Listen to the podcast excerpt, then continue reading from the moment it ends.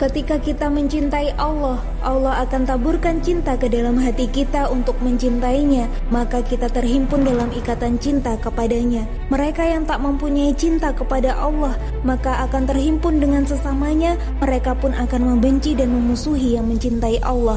Inilah hakikat pertarungan yang terjadi antara hak dan batil, antara pasukan Allah dengan pasukan iblis.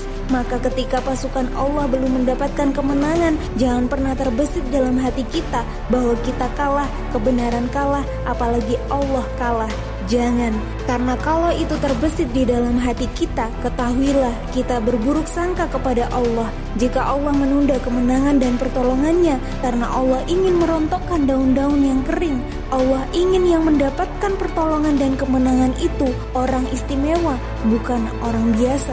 Maka istiqomahlah dalam mencintainya, mentaatinya, dan berjuang di jalannya.